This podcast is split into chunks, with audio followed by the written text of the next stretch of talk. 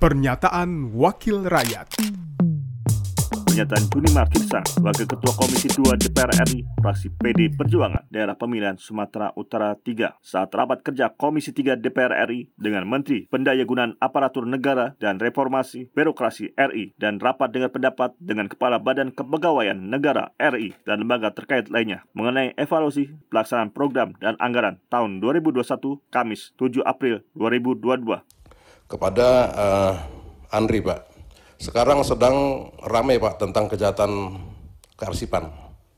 Maka kemarin ketika rapat dengan uh, Menteri ATR, ya saya menyarankan supaya warkah-warkah yang selalu tidak kelihatan Pak, Pak Menteri, di Kementerian ATR itu diserahkan saja kepada Andri. Supaya satu data Pak, karena banyak muncul sekarang sertifikat ganda, ya asli tapi palsu, karena warkanya sama Pak satu warkah dia. Maka warkah banyak tidak kelihatan, warkah banyak dipinjam, warkah banyak hilang, yaitu tadi Pak. Ya, pemegang warkah itu di, di kantor tanah itu ya sekelas satpam misalnya, tanpa mengecilkan dari satpam.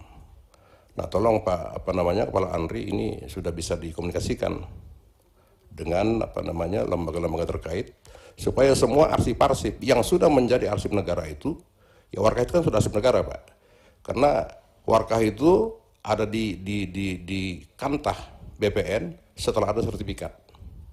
Nah kalau sertifikat sudah muncul maka warkah menjadi milik negara Pak. Ketika sengketa si penggugat atau siapa pun ingin melihat warkah maka dia bisa langsung komunikasi dengan Andri. Inilah fungsi Andri Pak. Ya kan satu data. Ya Andri itu kan satu data Pak. Satu data dan sumber data. Begitu.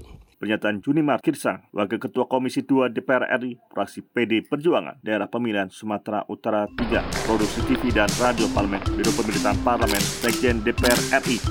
Pernyataan Wakil Rakyat.